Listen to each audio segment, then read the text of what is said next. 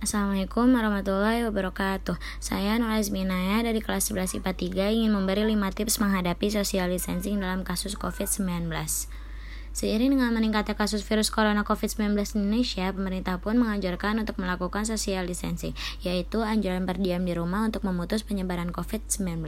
Pemprov DKI Jakarta merupakan salah satu daerah yang sudah menerapkan aturan ini.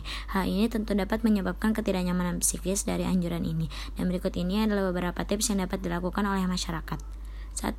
Menerima bahwa rasa tidak nyaman yang muncul adalah kewajaran. Artinya, penerimaan munculnya kecemasan atau perasaan lain dalam diri akan membantu mengelola perilaku. Penolakan perasaan yang muncul justru akan membuat perasaan itu semakin besar dan semakin tidak terkontrol. 2. Komunikasi dengan orang yang dapat membuat Anda nyaman. Artinya, tidak boleh berada dekat dengan orang lain. Tidak berarti tidak boleh berkomunikasi. Pemanfaatan teknologi membuat Anda tetap bisa berkomunikasi dengan kerabat Anda. Berbagi perasaan merupakan hal yang efektif dalam mengelola emosi. 3. Terapkan pola hidup bersih sehat, yaitu tidur teratur, melakukan aktivitas fisik yang bisa dilakukan dalam ruangan, cuci tangan berkala, relaksasi, menghirup udara segar di pekarangan atau balkon, dan makan makanan bergizi merupakan aktivitas yang dapat bermanfaat untuk menjaga imunitas tubuh. 4. Pantau informasi perkembangan keadaan pada sumber yang tepat, yaitu hindari laporan media atau broadcast chat yang sumbernya tidak jelas dan cenderung mengkhawatirkan.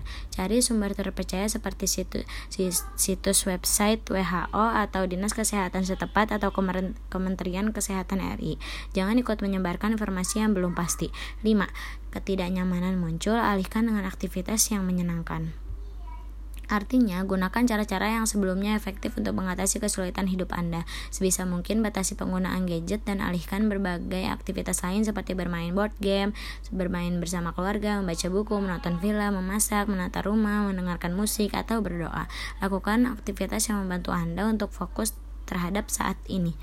Terima kasih. Wassalamualaikum warahmatullahi wabarakatuh.